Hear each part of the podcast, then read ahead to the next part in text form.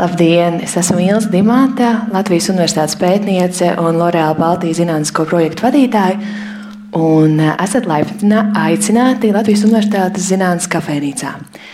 Ar nosaukumu Kā ārkārtas situācija ietekmē iedzīvotāju paradumus un veselību. Un eh, Latvijas Universitāte organizē zinātnes kafejnīcas eh, četras gadā. Un šī ir pirmā kafejnīca, kas notiek bez publikas, bet ar ļoti interesantiem ekspertiem viesiem, kuriem es tūlīt iepazīstināšu. Un, uh, mēs esam prie, priecīgi, ka jūs esat pies, pieslēgušies tiešraidē. Jūs varat uzdot savus jautājumus uh, slido.com, jeb slido.com um, platformā, kur uh, ievadot kodu 21606. Uh, var iegūt pieeju pie šīs zinātnīs kafejnīcas diskusijas sadaļas. Uh, Diskusijas sadaļa būs pašā finālā, bet sākumā eksperti iepazīstinās ar savām tēmām. Un, un šodien ir liels gods uh, trīs kungus man uzrunāt drošā attālumā. Un, Jā, vēlos atgādināt, ka Latvijas Universitāte arī ievēlo, ievēro visus drošības noteikumus, un lekcijas notiek attālināti, bet zinātnīs kafejnīca ir bez publikas.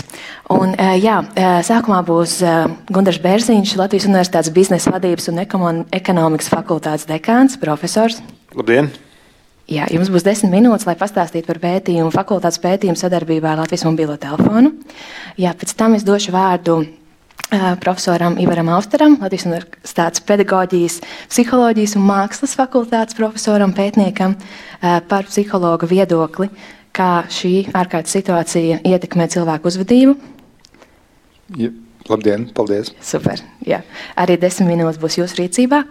Un visiem labi zināmais Andrēs Ērglis, ārsts kardiologs un Latvijas Universitātes medicīnas fakultātes profesors mūs iepazīstinās ar tēmu kā turpināt dzīvot līdz 120 gadiem, arī ārkārtas situācijā, vai pareizi? Labdien, jā, centīšos. Jā, prieks. Un tātad desmit minūtes katram no runātājiem sāksim ar Bērziņu kungu, un pēc tam būs diskusijas sādaļa, kurai arī var uzdot jautājumus slido.com platformā, kā arī Facebook mājaslapā. Latvijas universitātes. Un, un tad mēs visi parunāsim, visiem ekspertiem ir iespējams uzdot jautājumus. Jā, un mūs ļoti interesē, kā, tad, kā turpināt strādāt, kā turpināt dzīvot. Un, jūs esat mūsu gudrie prāti un eksperti un Latvijas universitātes lepnums. Tāpēc uh, paldies jums, ka jūs varējāt atnākt. Un, no mūsu puses atkal mēs esam. Nodrošinājuši, lai jūs šeit justos droši, cerams, un, eh, un, un, un, un eh, varam arī padiskutēt eh, tiešsaistē. Gunter Mērziņa, vārds jums. Lieliski, liels paldies. Un, tiešām sajūta ir pilnīgi droša šeit, tik labā kompānijā un tik lielā attālumā. Bet um, par lieliem datiem, jā, mūsu gadījumā mūsu pētījums uh, faktiski mm, radās pēc uh, Latvijas mobilā telefona uh, un Latvijas Universitātes ilgadējas sadarbības, redzot šo situāciju, um, kur bija jāsaprot, kā cilvēki ievēro vai neievēro uh, distancēšanās nosacījumus, un kā vispār tas ir izmainījis Latvijas ekonomisko vidi vai cilvēku aktivitātes vidi. Un um, tādu tiešu, uh, teiksim, uh, datos balstītu novērojumu īsti nebija. Mums bija vizuāli novērojumi, Rīga palikusi tukšāka, tajā vietā palikuši vairāk cilvēku. Uh, Bet tā mūsu pieeja faktiski ļāva objektīvi uz novērojumu pamatu, objektīvu novērojumu pamatu pateikt, kā ir izmainījusies aktivitāte un kurā vietā ir aktivitāte un kurā viņas nav šīs aktivitātes. Un, ja to visu piesaist pie konkrētām geogrāfiskām lokācijām, mēs iegūstam tādus momentu uzņēmumus ar ļoti precīzu situāciju, kā cilvēki un uz kurien ir pārvietojušies situācijā, kad, kad tika ieviesti pirmie šie ierobežojumi. Un, tie momenti uzņēmumi no vienas puses ir interesanti, un pēkšņi mēs ieraugām bildi, kā izskatās Latvija šajā ierobežojuma laikā, bet no otras puses ir arī, mm, ir arī tāda specifika, ka dati ļāva paskatīties uz iedzīvotāju uz, uzvedības izmaiņām ar 15 minūšu intervāliem. Un, ja mēs skatāmies to ar 15 minūšu intervāliem, tad mēs varam iegūt ļoti interesantus tādus ne tikai izvietojumus, bet arī patērnus un uzvedības patērnu izmaiņas.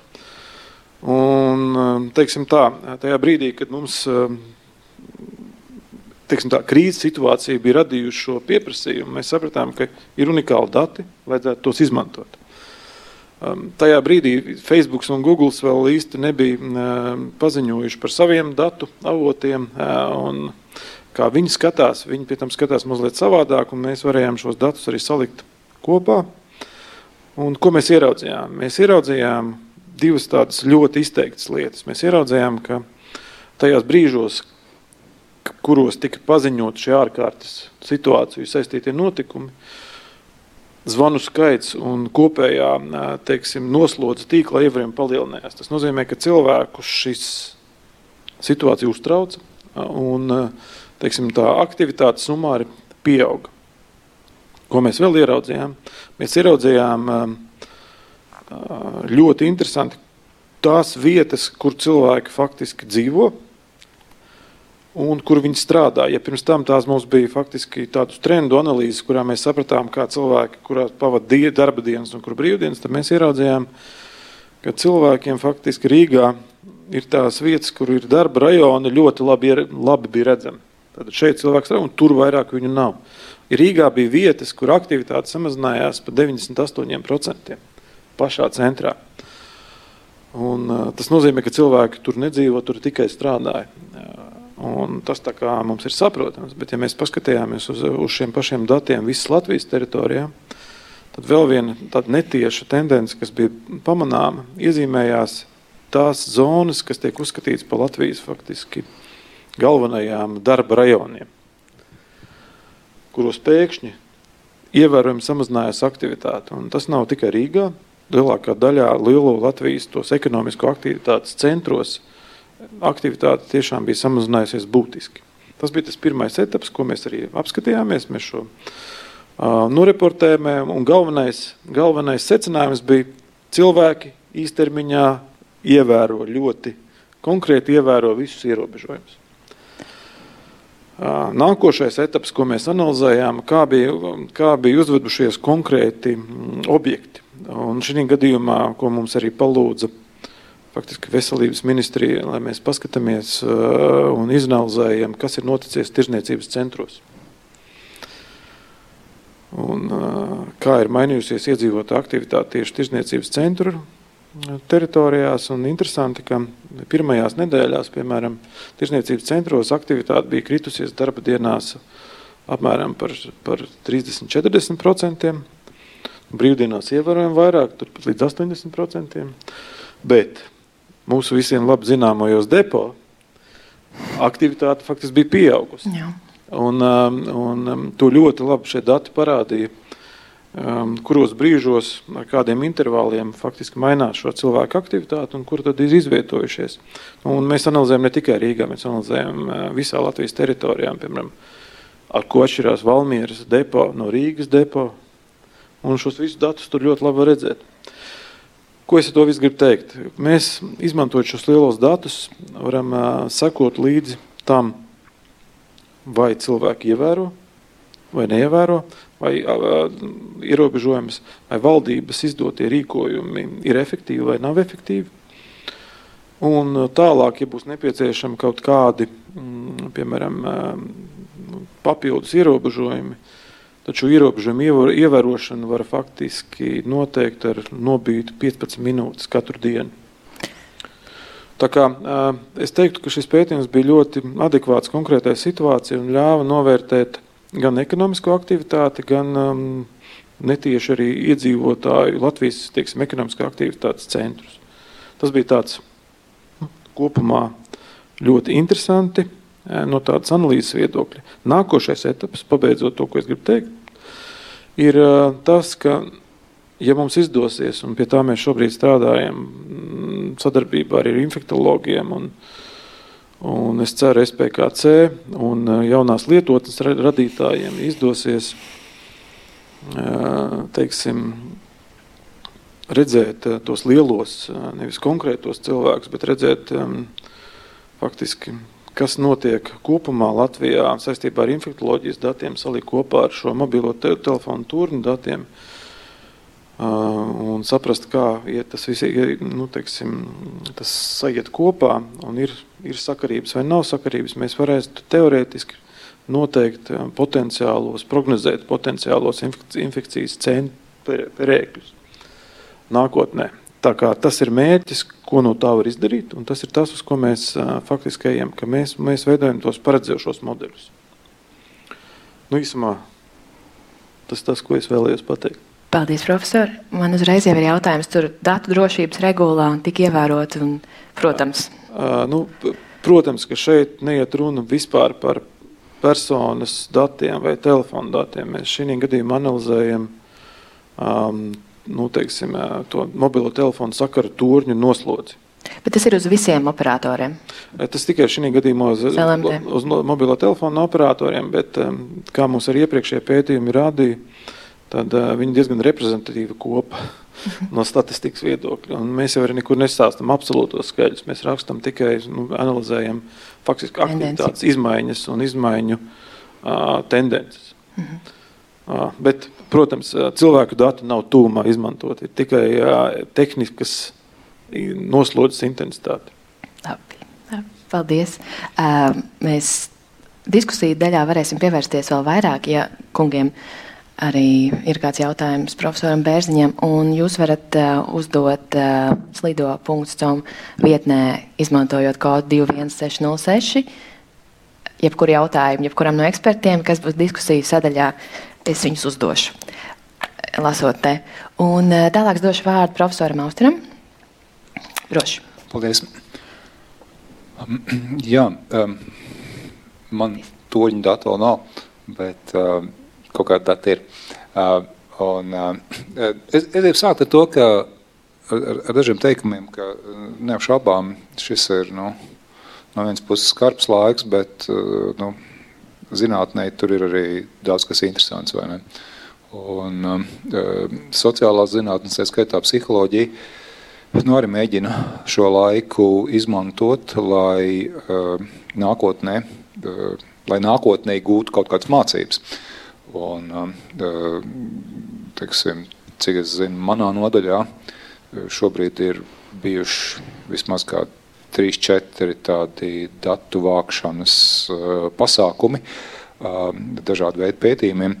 Un, un uh, es pats arī esmu šo to savācis, varbūt es drusku pieminēšu, stāstot par to, kas te viss notiek.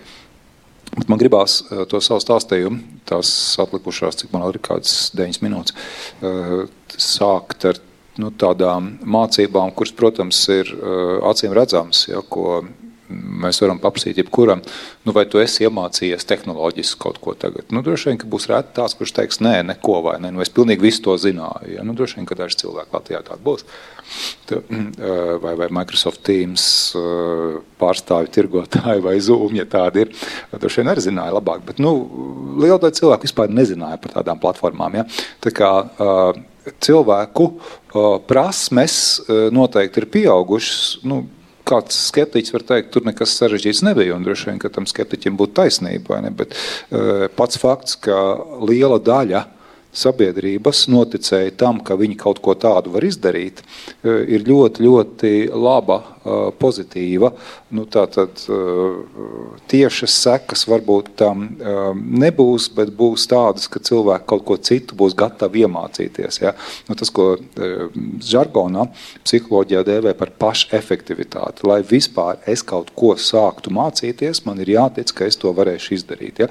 Nu, tagad tā pašefektivitāte noteikti ir augusi. Ja? Tas pilnīgi noteikti ir pozitīvs efekts.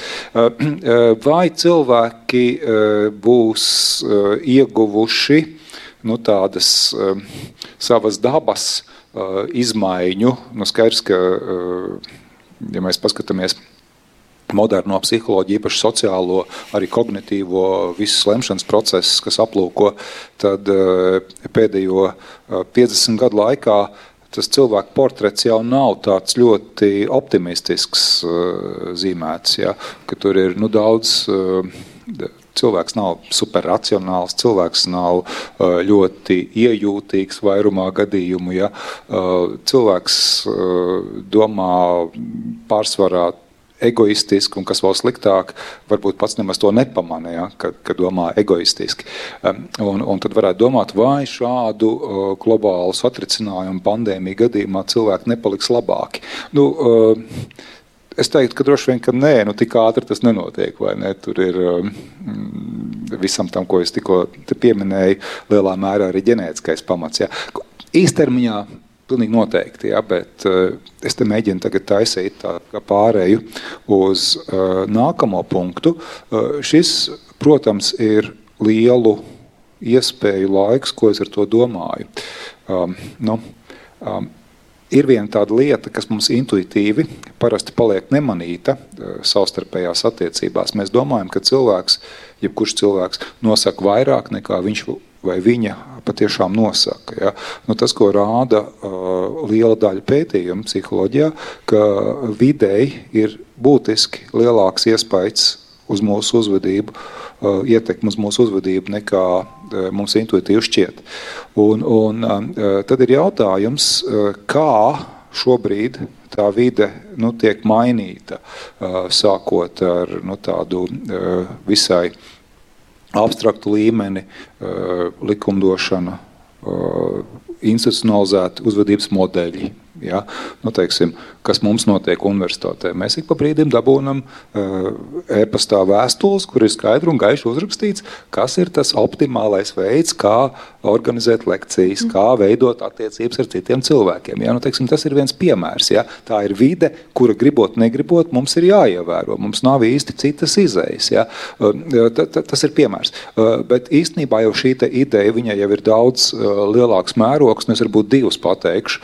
Viens droši vien abi, abi būs saistīti ar ekonomiku, ja, bet viens varētu būt tas, ko mēs varētu saukt par ilgspējīgu ekonomiku, jo um, kā jau šobrīd daudzi ciniķi uh, saka, nebūtu cilvēku alkatība, vai ne, nu tad visticamāk arī uh, nebūtu šis Covid vīrus uh, tādos apmēros pārņēmis pasauli. Ja?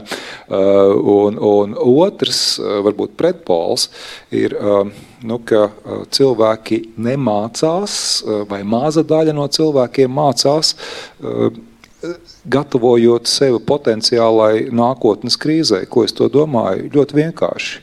Rezerves, uzkrājumi, kaut kādi potenciāli rīcības modeļi, kuri ļautu tev izdzīvot kritiskās situācijās.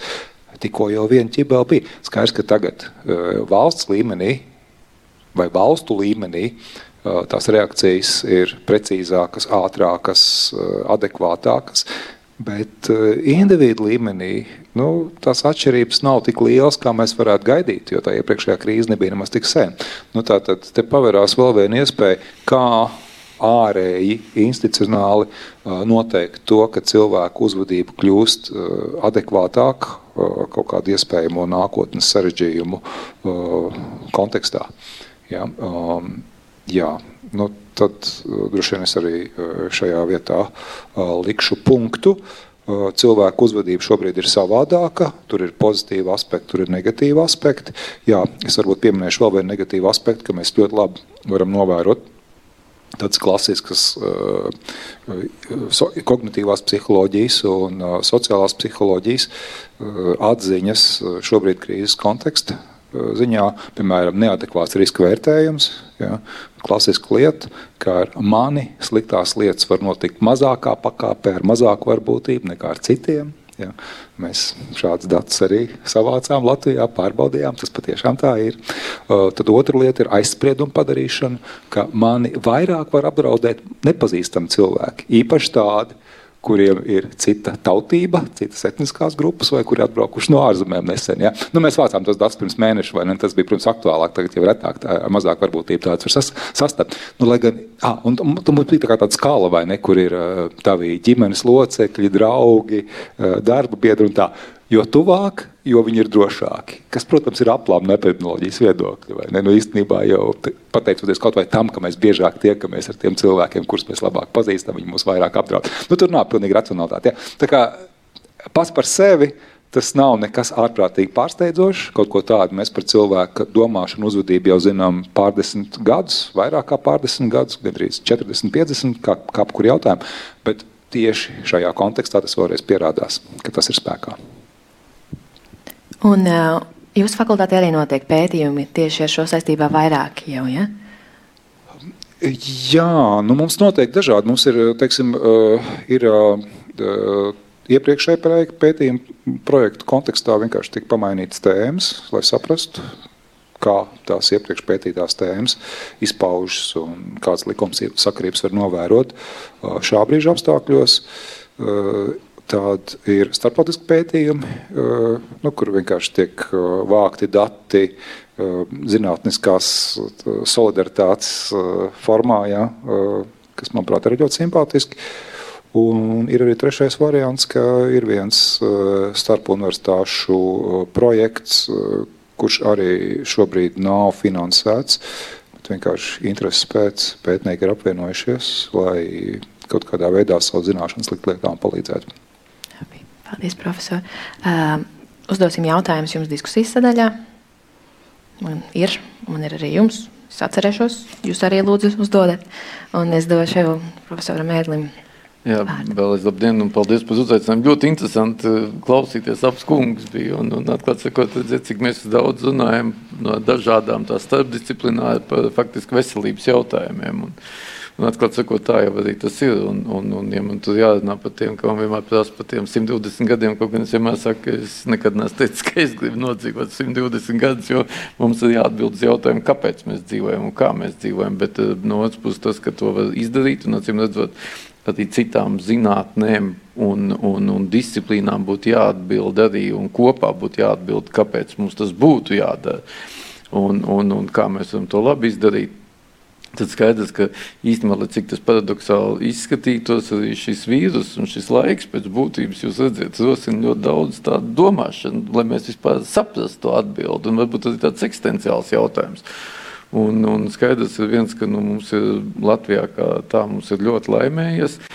Bet uh, viena lieta, ko mēs, jo mums tomēr ir relatīvi, nu, lai, lai mums ir arī ļoti bēdīgi piemēri pat universitātē, un tas ļoti žēl mums kolēģis un draugs labs un tā, bet, bet, bet īstenībā mm, tas, kas ir, kas ir jāsaprot, ir tas, ka šīs mums arī parāda tos varbūt mūsu tiešām tā kā jau arī iepriekšējie, kungi teica, gan paradumu maiņas, gan arī cilvēku attieksmes pret dzīvi kā tādu. Un, un, un tā viena lieta, kas ir diezgan tāda pilnīgi skaidra redzama, ka pēc būtības nu, ir, Protams, tas ir zināmiem izņēmumiem, un ļoti daudz kas nav skaidrs. Bet viens ir skaidrs, ka, ja mēs esam rūpējušies par savu veselību, nu, tad vismaz tajā lielākajā, vismaz 90% gadījumos, 95%, un esam pietiekami veselīgi, un, un, un, un, un arī nu, mums varbūt ir mazāk riska faktori, tad pēc būtības arī tas ir tas, kā mēs kā varētu nodzīvot ilgāk. Ja? Tad, tad, tad pēc būtības arī mēs no tāda veselības viedokļa vieglāk pārnesam šīs krīzes. Bet tur ir ļoti interesants tas, tas, tas jautājums arī par, faktiski par, par to attieksmi. Un, un, un, un Austrakungs arī teica par to attieksmi, person, personīgo attieksmi, par mūsu tām mazām.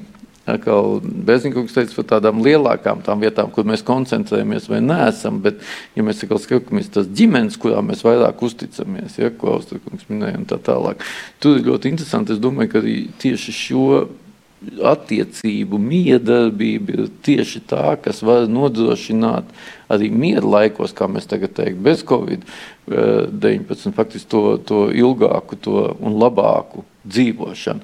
Un tur mēs nonākam līdz veselības definīcijai, kas saka, ka veselība pēc būtības nav tikai slimības nēsamība. Veselība ir gan fiziska, gan arī garīga labklājība, un arī mūsu tuvinieku labklājība un tā tālāk. Nu, šis varbūt arī tieši to parāda. Un manuprāt, tā kā Tas, kas tiešām ir ļoti interesanti, un jūs redzat, ka visi arī mēs tur lielā mērā tu, tas tomēr ir ap to veselību, tad grozās.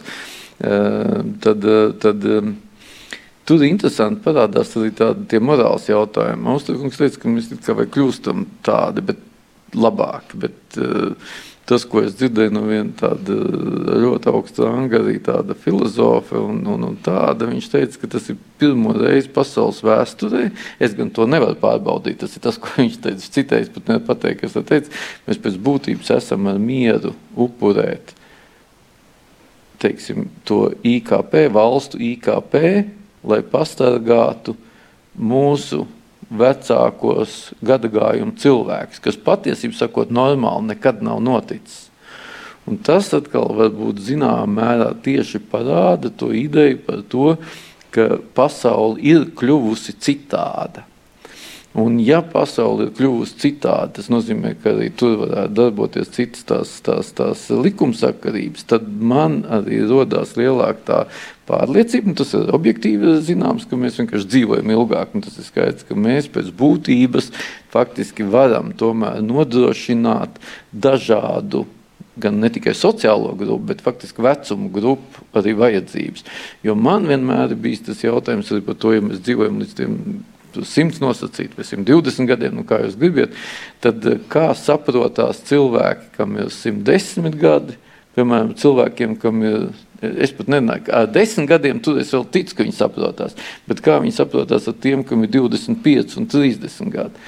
Un tad ir tie jautājumi, kā viņiem vai viņu teiksim, politiskās, sociālās, kultūrālās vajadzības ir līdzīgas ar tiem, kas ir, kas ir, kas ir Un arī veselības aprūpas vajadzības ir līdzīgas tiem, kas ir jaunāki. Un šis ir viens no tiem gadījumiem, kas pēc būtības mums nu, diezgan skaidri parāda nepieciešamību vēl vairāk eh, domāt par to. Un, un, un, un, un tas, tas ir tāds, tāds lietas. Un skaidrs, ka viens ir pilnīgi skaidrs, ka šajā laikā arī mums ir pirmkārt mums ir jāuztraucas zināmā mērā par to vīrusu, bet no otras puses mēs nedrīkstam pakļauties tam bailēm. Mēs pēc būtības ir ši, īstenībā mums ir pietiekami daudz. Tas nav viegli. Tas noteikti nav viegli. Mums arī ļoti, tiešām, manuprāt, es esmu ļoti priecīgs par to Latvijas medicīnas līmeni, kas vēl vairāk tur parādījās. Piedod, ļoti dažās disciplīnās, piemēram, par mūsu psihiatriem, kas ļoti skaidri nodefinēja arī to, kā cilvēki, īpaši tu, piedāvā viņos vajadzētu ieklausīties. Jo mēs katrs, eh, lai cik mēs iekšēji būtu stiprs, vai mums liktos, ka mēs esam stiprs, mēs pēc būtības tomēr sastopamies īpaši ar nezināmām lietām, kļūstam pietiekami trausli. Dažreiz mēs pat nepamanām, kurā brīdī mēs varbūt esam teiksim, tādā nepārāk tajā labā omā un, un, un ceļā, un vai arī piedāvājam arī rīcībās. Tādēļ, manuprāt, tas ir ārkārtīgi svarīgi to klausīties. Tad mēs labi redzam arī gan, gan mūsu infektologus un, un, un, un, un reanimatologus. Un, un visādi citas specialitāšu ārsts, bet, bet skaidrs, ka mums ir jāiemācās dzīvot pašreiz šajā apstākļos, bet turpinot uzlabot un, un turpinot saglabāt mūsu veselību. Un tad es saku, ka es pilnīgi piekrītu, ka mums ir pilnīgi citi uzdevumi. Gan ar aplikācijām, gan ar domāšanu, gan arī sapratni. Viņus mums šodien bija arī milzīga tā, tā, tā, tā, tā, tā, tā diskusija, gara diskusija arī, kā piemēram organizēt darbu slimnīcā. Jo tas ir pilnībā jāpārkārto. Tas ir pilnībā jāpārkārto. Mums ir jāsaprot, ka mums ir ļoti jāuzman gan medicīnas personāls, nu, pirmkārt viņu pašu dēļ, bet otrkārt tādēļ, ka, ka tad nebūs kas ārstē. Ja viņi, nu, un, un, un tas jau nav tikai ārstē, tas ir aprūpas personāls un viss pārējais. Un tā, ja, bet, tad mums ir kādā veidā, un cik tas jocīgi iznāk, kādā veidā mums tagad ir jāpārdala eh, cilvēki, kuriem vieniem ir tagad ātrāk pienāks medicīnas palīdzība nekā citiem. Ja? Tie ir veseli tādi rinda tie, tie, tie jautājumi, un, un cilvēkiem pašiem ir jākļūst vēl mm, pašorganizētākiem. Es arī pilnīgi piekrītu, ka lielākā daļa ir iemācījušās pavisam citas lietas, man ieskaitot, jo man, atklāt sakot, galīgi mm, neinteresē tas, eh, nu, man tā nepārāk vienmēr paticis tās attēlinātās un daudzas lietas, un tur vēl tur tad jocīgi, ka cilvēki izstāsta tās sejas tajos datoros, īpaši kāds un tas kameras leņķis vēl kaut ko, un tad nejaudājot pa visiem tiem jokiem tā. Bet toties, nu, tās ir tās lietas, ko, ko, mēs, ko mēs mācamies. Un, un, un to es jau arī tā teicu, bet īstenībā mums tiešām ir daudz vairāk ir jādara, drīzāk tas sevis arī šajā stiprināšanā un, un, un, un varbūt tādā tīri tādā Tur, tur ir interesanti, ka šī ir tā, tā lieta, ka man liekas, ka tā mentālā veselība šī gadījumā noteiks vairāk to fizisko veselību nekā otrādi. Vai arī katrā ziņā tu tā miedarbība. Bet es arī pilnīgi piekrītu, ka vidē ir milzīga nozīme. Un, un, un te mēs arī parādām, parādām to. Tā, to jau precīzijas medicīna saka. Precīzijas medicīna ir tā, tieši tā, kas saka, pēc būtības mēs jau varam teikt, un mums ir, bet faktiski tas, ko nu pat, kas pierādās, ka ģenētika nosaka apmēram 8 līdz 10% no tā, kas ar mums var notikt ka pārējo gandrīz nosaka tā vide, kur jūs esat un tā tālāk. Ja? Nu, redzēsim, ar ģenētiku vispār tā jocīgi, viņi tur mazliet mainās un visādas tādas lietas, bet īstenībā tie rīki, vide e, un, un, un tāds. Tā kā Es domāju, ka šis no vienas puses ir, ir tāds laiks sabiedrībai, ko es atkal tā kā, nu, man jau tā nē, es tik daudz ko man runāju, ka man vairāk patīk paklausīties nekā tu, tu runāt par šeit, bet, bet interesanti tas, ka vīrus pats par sevi ir tieši tas, kas maina šūnu un organismu. Un tad mēs sastādām, sastāvam no šīm. Izskatās, ka tas vīrus ir spējīgs arī mainīt sabiedrības. Un atklāt sakot, es tomēr domāju, ka salīdzinot ar tām pandēmijām, kas ir bijušas, neaizmirstiet, ka Latvijā bija laiks, kad dzīvoja tikai 300 līdz 400 tūkstoši cilvēku un, un ar, ar dažādu infekciju rezultātā, gripas un tā tālāk. Ja?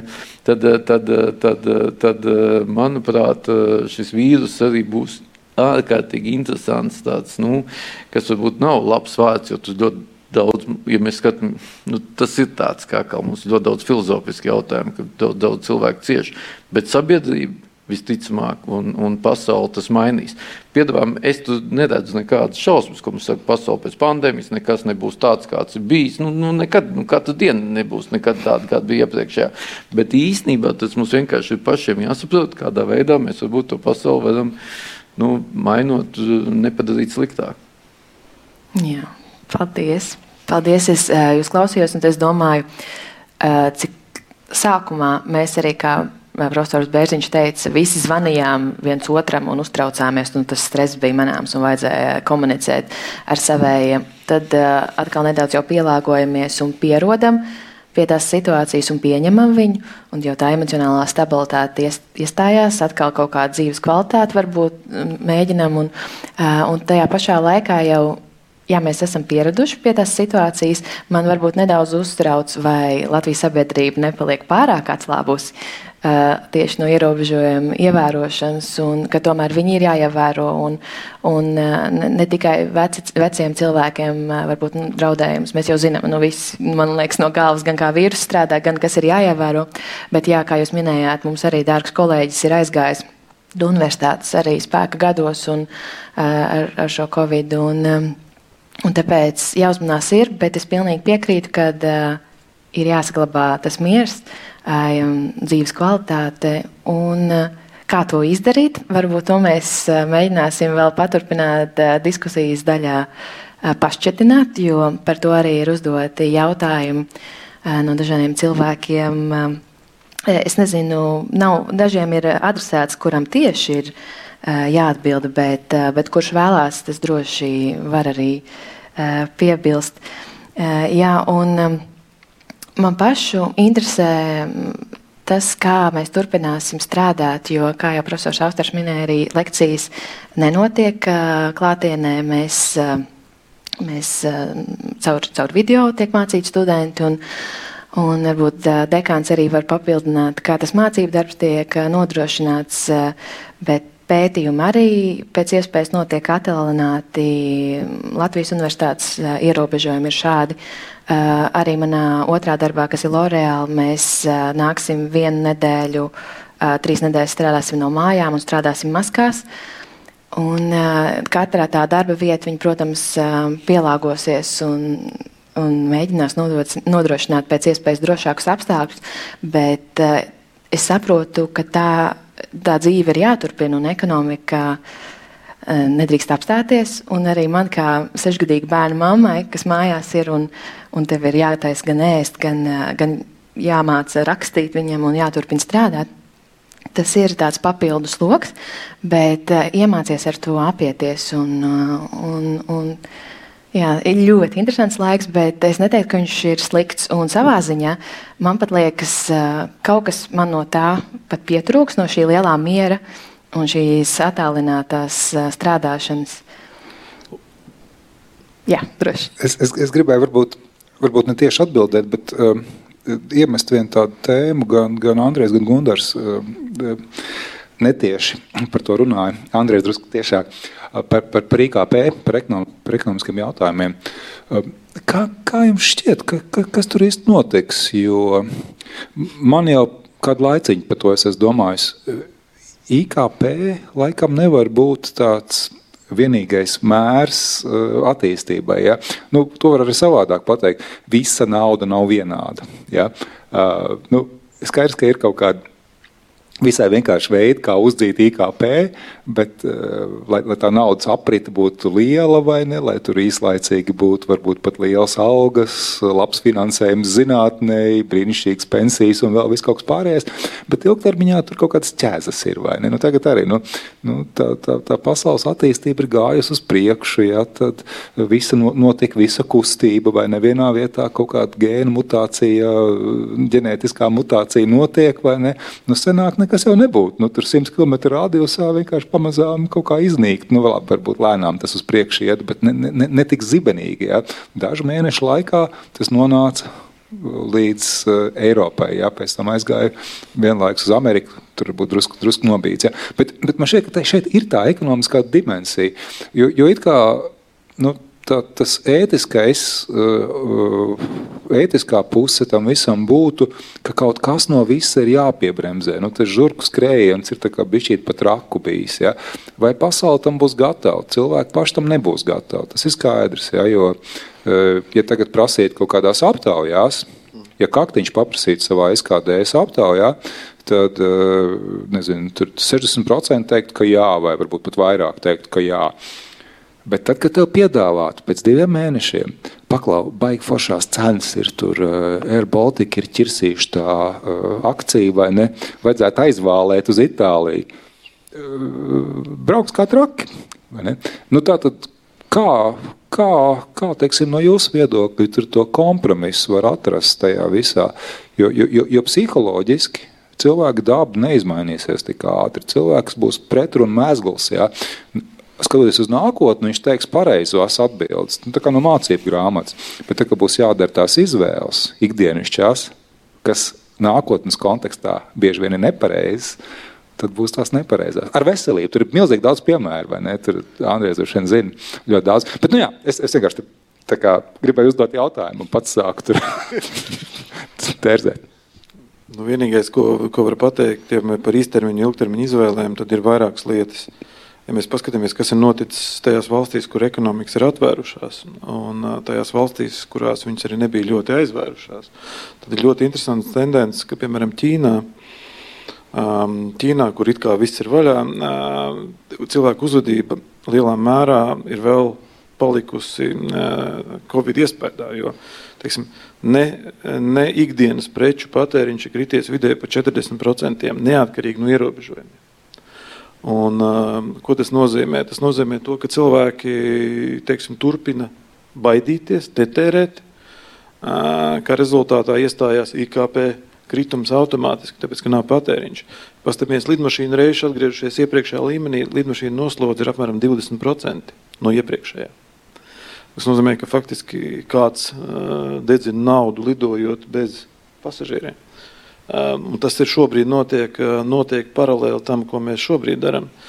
Jo mums liekas, ka ekonomika var atgriezties ar vienu valdības paziņojumu, tā kā bija iepriekš. Un izrādās, ka tā nav. Mēs paskatāmies, kas ir Zviedrijā, PMI indeks, kas raksta, faktiski raksturo nākotnes ekonomiskais, nu, tas prediktīvais, prognozējošais indikators ir tikpat zems Zviedrijā kā Norvēģijā un Šveicē. Kas tas, nu, tas, tas nozīmē, ka neatkarīgi no tā, ka ekonomika ir vaļā, faktiskais ekonomikas apjoms krītās.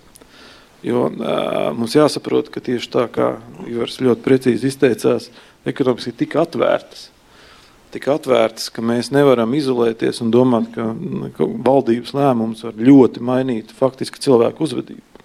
Bet, ja mēs atgriežamies pie konkrētā jautājuma par efektivitāti un kā mainīsies, mainīsies cilvēku nu, teiksim, ikdienas uzvedība, tad nu, pētījumi pēc būtības šobrīd un ir reāli izpētīts, kas man ļoti patika, bija salīdzināts pēc dzimumiem. Sieviešu un vīriešu zinātniskais rezultāts šajā periodā. Un ir secināts, ka, teiksim, jo to viegli izvērīt, tas ir viegli statistiski novērtējums. Sievietēm zinātniskais rezultāts ievērojami ir krities salīdzinot ar vīriešiem. Proporcionāli. Teiksim, cik bija proporcionāli sievietes publicējās, cik publicējās vīrieši, taču pie sievietēm nokrities vairāk. Tā kā ietekmē sievietes šī krīze ievērojami vairāk nekā vīrieši, vismaz pēc zinātniskā rezultāta. Ja mēs runājam par to, kas ir efektīvs, kā saglabāt efektivitāti, Tad attālinātā darba pētnieki pēdējā laikā faktiski tas gan pirms tam veiktajos pētījumos, um, tā efektivitātes formula attālinātam darbam ir sekojušā. Vismaz viena diena nedēļā ofisā, kad, un diena tiek citādi formulēta. Diena tiek forma, formēta, formulēta tā, ka mēs vienas dienas laikā risinām visas problēmas, kas ir sakrājušas par nedēļu. Pārējo nedēļu, četras dienas mēs plānojam plānojam tādus vairāk rutīnas darbus. Apzināti koncentrējam, risinām kopā, un, un tad ir rutīnas darbi. Un tas ir visatklāts kā visefektīvākais veids. Ja viņi netiekās un nerisina problēmas, tad faktiski visi beigās risina tikai ikdienas jautājumus. Neviens nerisina lielos un svarīgos jautājumus. Tā kā pētījumi arī šo jautājumu faktiski ir analizēts un efektivitāti mērīt. Tā kā es teiktu, ka vajag ņemt tādus pamatotus rezultātus un ieviest dzīvē, un viss būs labi. Paldies! Jā, jā nu, tu tiešām ļoti daudz par tiem ieradumiem. Tas ir ļoti īpatnējs stāsts. Tu, tu, es vienkārši domāju, ka tu, tu jāpaiet tam, tam uh, laika distancē. Tas jau ir tas slavenais teiciens, ka, ko Ķīna saka, mēs vēl nezinām. Uh, vai lielā franču revolūcija ir kaut ko ietekmējusi labi vai nav, tādas lietas, ja, un tas ir no tā laika, bet pieņemsim par tiem iedadumiem, tur ir dažas lietas, ko es, piemēram, nekad neticēju, ka varēs. Es godvārds nekad neticēju, sākot uz braukt, un pieņemsim, ka Itālija un Francija nesmēķēs ielu kafejnīcās. Nu, man tas likās, ka, to, nu, ka tas nebūs iespējams izdarīt. Tur gan ir cita lieta, un tur ir interesanti, ja mēs paskatīsimies droši vien tādus lielākus tos pētījumus, pēc tam atkal, ka vai vispār smēķēšana ir samazinājusies, tad tas būs citādi, bet pieņemsim tajās, tajās ielās un, un, un tajās kafejnīcās, nu, kas bija teiksim, faktiski, arī filmās, ja, kur rādīja, un kas bija. Tad, ja tas ir izmainījies pilnībā. Ja, tā kā par tiem ieradumiem tā ir. Es pats arī postulēju, ka cilvēki ļoti ātri aizmirsīs un atkal sāks braukt un, un visu kaut ko, bet, bet es nezinu, vai tā būs. To es tiešām man tagad tas ir grūti. Man daudz vairāk uztrauc viena cita lieta, ko jūs teicāt, par to, ka jūs negribat vairs nākt ārā no tās čaulas. Un tur es domāju, ka vēl tie cilvēki, kas ir, nu, sapratiet, tur ļoti jāsaprot, ka cilvēki ir ārkārtīgi dažādi. Mm. Un man liekas, ka tas vienai daļai, kur tagad var dabiski paslēpties un dabiski sev to telpu apkārt um, paturēt, ka tas būs, tas sagādās lielākas grūtības nekā mums pēc būtības uh, tur mazliet uh, uh noslēpties uz kādu brīdi. Un, eh, tāpēc es domāju, ka par tiem pētījumiem es vispār gribu teikt, nu, ja, ja jūs paskatāties, tad, kas medicīnā notiek, nu, kaut ko tādu es neesmu redzējis savā mūžā. Jo tas, ko piemēram Lancets un, un New England Journal of Medicine un, un, un, un, un vienalga, kas publicē, tas vienkārši kaut ko tādu agrāk neviens neiedomājās, ka to var publicēt. Viņi nebija, nu, tie dati, ne, nu, viņi ir, teiksim, nu, no tādas stingri, viņi, nu, kā lai saka, viņi nav pietiekami augstvērtīgi. Tā, ja? Un tad, tad, tas, ir, tas ir tik, tas ir arī tas, arī tas jautājums, vai mēs vispār tā ir trausli. Tā, tāpēc es vēlreiz saku, tas vīrus savā ziņā ir labs tāds, nu, kā saka, kas jau, kas jau ir vīrus dabā mainīt. Jā. Statistika liecina, ka pēdējo laiku tieši ieņēmumi, tad ieņēmumi no tabakas tirzniecības ir ievērojami pieauguši mūsu budžetā vismaz. No alkohola nav tik daudz, bet no tabakas ieņēmumi ir ļoti daudz. Tas ir diezgan īslaicīgi, bet tomēr par to IKP es gribēju vienu citu lietu teikt, ka, manuprāt, tas ir drusku tāds īpatnējs, cik daudz šī vīrusa pandēmija piesadz citas problēmas. Man atklāti sakot, tas interesē šis jautājums visvairāk, ko mēs droši vien neredzēsim rītā, bet mēs pēc kāda laika to redzēsim. Un es domāju, ka tieši tāpēc, gan ne tikai par to žurku skrējienu, arī starp citu par dažādu, jo, es, jo IKP, nu, mēs zinām, ka IKP ir ļoti grūti aprēķināms lielums. Un arī jautājums, nu, Latvijas īpaši pie tik atvērtām ekonomikām. Bet interesanti, pieņemsim, interesanti, un arī citu pie tās darba dalīšanas pasaulē, kas bija, kā pēkšņi izrādījās, nav nemaz tik vienkārši tās sāciet ar maskām un daudzām citām lietām. Bet man daudz vairāk interesē, ko darīs valsts, kur IKP kaut kādā veidā bija, pieņemsim, turisma vai vēl kāds cits, es nerunāju nemaz par naftu, ja mainīsies tā elektrība, ko tie nabagi darīs lielā mērā es atvainojos, ka es tā saku, bet faktiski tā tas ir. Jo ir vesels valsts, kuras faktiski IKP milzīgs, tas, tas, tas, tas daudzums vai ne, tas, tas lielums ir, ir, ir faktiski turisma industrija. Un kas tagad notiek ar viņiem? Un ko, tāpēc nu, tur nav vienkārši tā lieta. Jā. Bet, bet kā jums šķiet, vai pasaule paliek labāk vai nē? Man šķiet, ka jā, jo nu, īstenībā jau tas, ko mēs zinām no psiholoģijas, ka daudzos gadījumos laime nav nopērkama tādā veidā, kā mums šķiet, ka mēs nopirksim. Ja? Aizvālēsim tagad uz to balī, eh, būsim laimīgi. Nu, eh, tautas valodā sakot, sūdu. Ja? Nu, nebūs. Ja? Nu, nu, nu, nu, laimi var nopirkt par naudu savādāk. Tātad uztājas draugiem pusdienas, ja, vai, vai eh, palīdzi citam ar savu naudu. Vai, nu, faktiski jau šeit arī pandēmija uh, iedod uh, tos celiņus, uh, kas ļauj cilvēkiem saglabāt ne tikai veselo saprātu, bet arī būt laimīgiem. Tieši tāpēc jau uzreiz pirmajās nedēļās radās daudz tās sociālās iniciatīvas.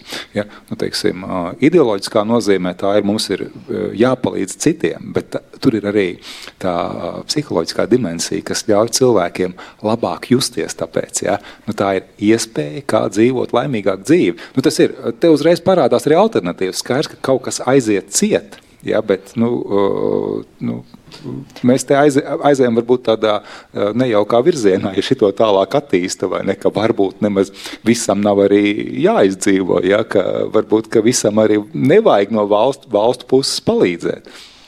Vienīgais, nu, teiksim, laime ir ļoti cieši saistīta ar šo faktoru, ko mēs redzējām visos tajos, arī mūsu tajos pētījumos par cilvēku uzvedību, ir uh, drošības sajūtā. Un, piemēram, tās patēriņa izmaiņas, kas faktiski ļoti bremzē ekonomiku un atstāja daudzus bez darba. Ekonomikas pamatā ir šis uh, faktiski patēriņš un, uh, un, un pakalpojumu apmaiņa, mēs, ka mēs lietojam kaut ko. Faktiski tā uzvedības izmaiņas saistītas ar to, ka nav šīs drošības sajūtas. Un šī drošības sajūta pēc būtības nu, tieši ekonomiskās drošības sajūtas. Viena ir medicīniskā drošības sajūta, bet nav arī ekonomiskās drošības sajūta. Un šorīt šīs abas sajūtas ir apvienojušās. Iepriekšējās krīzēs mums bija tikai ekonomiskā Nu, Jā. nu, bija slikta 2008. gads, viss ekonomikā slikta, bija skaidrs, ko vainot. Tagad ir divas lietas, kas ir, rada nedrošību. Tas nozīmē, ka tas faktiski tas patēriņš, tas, tas ir drošība tērēt cilvēkiem ir vēl mazāk. Un, ja mēs, kā mēs zinām no tās pašas ekonomikas teorijas, tas nozīmē, ka tas var ievest vēl dziļākā tajā uh, ekonomikas lejupslīdē. Un, ko nozīmē ekonomikas lejupslīde, tas tā skan uh, nu, plaši, bet faktiski tas ir katra individu ieņēmuma kritums. Un, uh, lai mūsdienu pasaulē, nu, kas, kas ir šodien aktuāli, ekonomikas stabilitāte ekonomiskos ienākumos ir daļa no, nu, no tādas laimes, es teiktu, pat no laimes sajūta, tas ir drošība sajūtas. Un tūlītās, kas būs? Tagad sāk, sākās um, problēmas ar kredīta maksājumiem, problēmas ar dzīvokli, uh, problēmas mm ar darbu, nu, un, un tādā, tādā veidā cilvēks vēl mazāk. Viņš ieraujās. Bet, bet te ir vēl viena lieta, surot, ka cilvēks, atceries, Gundir, mums bija tas pētījums jā, par, par, par kredītu ņemšanu. Jā.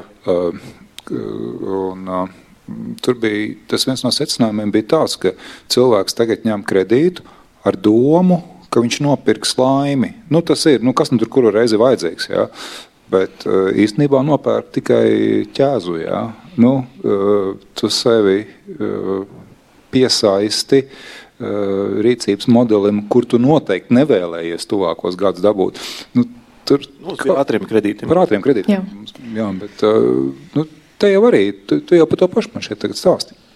Kungi, ja es, es drīkstu višķiņā pārtraukt, jūs droši Skatītāji varat uzdot jautājumus lido.com vietnē, ievadot kodu 2606, 21606, uh, un uh, Facebook mājaslapā, un arī skatīties mūsu uh, Latvijas Universitātes radio naba tiešraidē. Mums ir uzdoti jautājumi. Jūs jau Vairākus no tiem atbildējāt, bet ir arī daudzi praktiski jautājumi. Cilvēkiem gribas no ekspertiem dzirdēt, kā jūs ieteiktu sevi motivēt attēlinātam darbam, kā jūs ieteiktu psiholoģiski tikt galā ar situāciju, ja darba nav, un kā šo krīzi labāk izdzīvot arī veselības ziņā, kādu ieteikt sevi aprūpi vai ir um, vēl kas bez uh, fiziskām aktivitātēm un uh, emocionālās stabilitātes nodrošināšanas. Kā arī um, jā, par, uh, par to, uh, varbūt mazliet vairāk profesoram Bērziņam, jā, par jūsu pētījumu, vai tad šobrīd esošie dati viņi parāda, kad iedzīvotāji ir atslābuši un, un kāds būs tālāk tas pētījums, varbūt nedaudz konkrētāk, ja ir iespējams pastāstīt. Jā. Droši, kurš, kurš vēl sakt? Jā, ne, es teicu par to, varbūt tikai tur bija tas ļoti interesanti par to, par to laimi, ko jūs runājāt. Un tas ir īstenībā ir katru desmit gadi tāds liels pētījums, kas ir nu, kopējās veselības pētījums pasaules un arī laimes indeksa pētījumi. Bet Jā. tie, nu, tad zinātnes pētījumi, bet viņi tiešām grūti realizējami, bet to, to, to tiešām interesanti, tas jūsu salims ir. Un, Un tā, un tad viņi skatās. Un tas ļoti interesanti, ka tā laimes, kā laimes indeks, viņš nekā nekorelē pēc būtības, tāpat kā bieži vien veselība ar, ar to tīru materiālu bagātību. Bet tur ir drusciņās, es baidos, ka tur ir tas, mēs to bieži izējam no tā, no tā ļoti kā lai to pasaka. Tas pirmām, pirmām kārtām pilnīgi skaidrs, ka mums ir jādzīvo, mēs esam Latvijā, mēs, mēs domājam pirmām kārtām par Latviju un tā tālāk, bet mums ir jāsaprot, ka mēs ļoti daudz lietas nevaram vispārināt.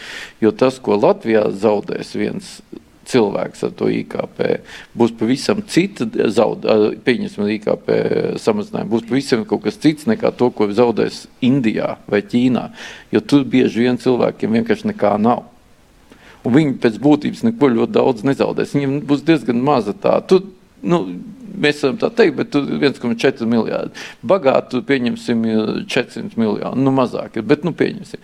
At, tas viens miljards nav līdzīgi Āfrikā un tā tālāk. Tādēļ tas atkal nestrādā uz visiem. Mums ir jāsaprot, ka mums ir no tās arī, ja mēs runājam gan par precīzijas medicīnu, daudzām citām lietām, tad mums ir jāsaprot, par kuru, teiksim, arī par ko mēs arī runājam. Tad arī par to pasauli, protams, ir grūti saprast, vai, ne, vai viņi kļūst labāk vai nē.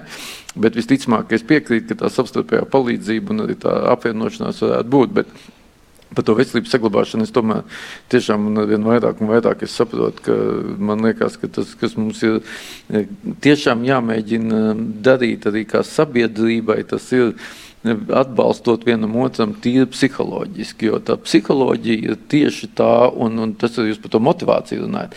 Un tā motivācija ir pilnīgi skaidra viena ka šis viss vienreiz beigsies. Mm -hmm. Mēs nevaram pateikt, kad tas beigsies. To mēs nevaram pateikt. Bet šis te viss vienreiz beigsies. Un, un, teiksim, tas ir pilnīgi skaidrs, ka nekad tā nav bijis. Un, un arī šoreiz tā nebūs. Visām pandēmijām kādreiz ir. Jā, un, un tādā lai tas nozīmē, ka mums vienkārši ir, nu, kā to izdarīt, es domāju, katram savs, bet tās fiziskās aktivitātes ir obligātas. Un tā ir liela laime, ka mēs Latvijā to varam darīt. Ir fiziskās Ārā. aktivitātes. Jā. Ārā, nu, tagad varēs par tām telpām, profesors Ugdums ir tāds skeptisks prieks, viņš uztraucies, viņš saka, un tā, bet nu, arī to varēs darīt. Bet es domāju, ka ir ārkārtīgi svarīgi tas, ko dara arī, un kāpēc mums ir jāatbalsta arī gan mūsu mūziķi, gan mākslinieki un visi tie vispārējie. Un, pirmkārt, ir varbūt beidzot cilvēks sāk drusku vairāk lasīt, kas, manuprāt, ir ārkārtīgi svarīgi. Es iesaku arī lasīt drusciņās tādus filozofiskākus darbus, jo tie parāda arī lietas mazliet plašāk, varbūt kādreiz tādas un, un lasīt vispār. Un tas ir tas, ko, kas varētu mazliet eh, nomierināt. Un vēl viena lieta ir pilnīgi skaidra. Jūs nedrīkst, neviens cilvēks nedrīkst visu dienu iegrimt Covid-19. Tas ir, tas ir, tas ir pirmais, ko, ko saka jebkurš ārsts, jebkura organizācija. Jūs nedrīkstiet skaitīt visu dienu, cik kurā vietā kas ir saslims, cik Jā. Eh, vēl kaut kur un tā. Un vēl ir liela laime tā, ka pašreiz ir tā vasara un visur tur, kur ir saulains, tur cilvēki pēc definīcijas ir laimīgāki, jo tik liels tranquilizātoru lietotājs skaits kā Somijā un Ziemeļvalstīs īsti nav. Nekur. Bet tas arī ir pētījums pierādīts, ka... Jā, jā, par to es runāju, tas nav, tie nav mani. Es, mm. nu, tu reti, kad es tā runāju, tikai tāds pilnīgs savs izgudrojums tāds.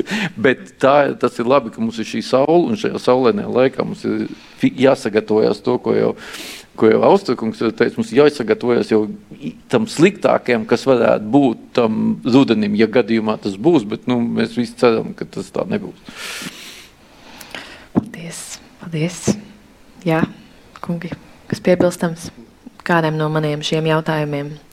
Kā motivēt sevi un kā saglabāt pozitīvismu jūs personīgie vai kā eksperta? Nu, nu, droši vien, ka tur nav jāizdomā tas ritenis no jauniem. Uh, nu, uh, Tur jau uz vienas rokas pirkstiem skaitot, vai ne? Nu, tā, tad, pirmkārt, ir jābūt uh, skaidrai ikdienas rutīnai, nu, kas tajā, par to ik pa brīdim kā, kā, kāds pasaka, jā, bet nu, tev ir jābūt skaidram plānam, pie kur ir jāpieturās. Protams, viegli te, vie, par to ir viegli runāt, bet to ir grūti īstenot.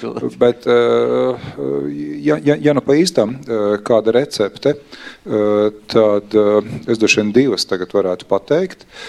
Viena, tas, ko cilvēki reizēm arī dara, viņi paziņo publiski, ko viņi ir apņēmušies darīt. Ja, un jaungada apņemšanās strādā ar daudz lielāku varbūtību, ja tās ir publiskas. Ja, un arī šajā situācijā, ja tu mājās vai neparastā situācijā, nepierastā, gribi vairāk izdarīt, kur tev no ārpuses nav nekādi uh, ierobežojumi, vienalga pozitīvā vai negatīvā pusē, bet no atskaites sistēma, kur tev visu laiku ir um, jāizmanto. Uh, tad uh, tomēr uh, šis publiskums, apņemšanās publiskums tev palīdz. Jo nu, tu negribi palikt tajā muļķu lomā. Tas ir viens. Otrs uh, liels darbs sadalīts sīkākos ar uh, atskaites punktiem kuriem arī ir vēlams būt uh, publiskiem. Ja, tad tas, tas, tas uh, rezultāts būs uh, nu, ar lielāku varbūtību iespējams. Nu, vēl viena lieta, protams, mēs esam skopi likt kaut ko uh, kā likmi. Ja? Nu, tādā nozīmē, ka, ja tu neizdari, tad tu zaudē. Nu, derības plašā nozīmē, vai samaksāt kaut ko uz priekšu, ja? un tad tev būs žēl naudu o, pazaudēt. Ja? Teiksim, sporta klubi tādā veidā tīri labi strādā, vai ne? Jā. Tu samaksā abonentu maksu, un tad tu vienkārši, pat ja tu negribi, pat ja tev ir nogurums, tev kaut kur sāp, tur kaut kas, vai ne, lai nezaudētu to naudu, tu tur ej un mocies, nu, tās mocības jau var atmaksājās ilgtermiņā. Nu, tu tagad es trīs lietas pateicu, ja. Tas ir pietiekami universāls. Ja kaut kāds recepts ir vajadzīgs, tad jebkura no šīm tīri labi strādā. Ja es varētu tikai piebilst no tādas um, uzņēmējdarbības viedokļa, tad um, tā galvenais ir tas nu, faktiski nepalikt bez mērķa. Nu, nu, tam mērķim kaut kādam jābūt ir un, un tam, un šī gadījumā, nu, pieņemsim, ja nav darba, tad jebkurā gadījumā paliek iespēja mācīties. Lai tajā brīdī faktiski tā ir tā koncepts par pilnveidi, mēs pilnveidojamies, lai tajā brīdī lai mēs radītu vairāk iespējas nākotnē.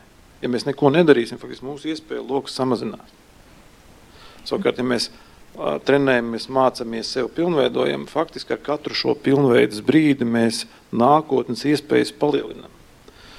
Uh, un palielinot mūsu zināšanas kompetenci, faktiski mēs uzlabojam darba, nākotnes darba iespējas. Un šī brīdī tas ir arī visās krīzēs, ja mēs skatāmies, kas statistiski notiek, tad tad um, cilvēki faktiski tomēr lielākā daļa tērē laiku liederīgi. Tas nozīmē, ka viņi mēģina izdarīt tā, lai viņiem iespējas pieaugtu. Nu, tad kopumā. Tāpēc, um, ja mēs teiksim, cilvēkus, kurš studē augstskolās, paskatāmies, tad krīžu laikos viņi parasti mācīties turpina, un pat tas studiju, studiju studentu skaits pieaug, jo nu, kaut kas ir jādara. Tu nevar neko nedarīt, tas paliek sliktāk. Tas no, tāda, nu, no tādas, ko darīt, ja nav ko darīt. Vajag mācīties. Bet, bet ja mēs runājam par tiem pētījumiem, ko jūs uzdevāt jautājumu, tad nu, šobrīd tiešām ir plāns, divi plāni. Mēs tā kā monitorējam situāciju, kas notiek, um, kurā vietā, kā mainās ekonomiskā vide. Un interesanti, ka sumāri tas kritums nav nemaz tik liels. Kritums ir lokā, konkrētās vietās un konkrētajās faktiski lokācijās. Un mēs skatāmies, kā viņš iet atpakaļ vai neiet atpakaļ.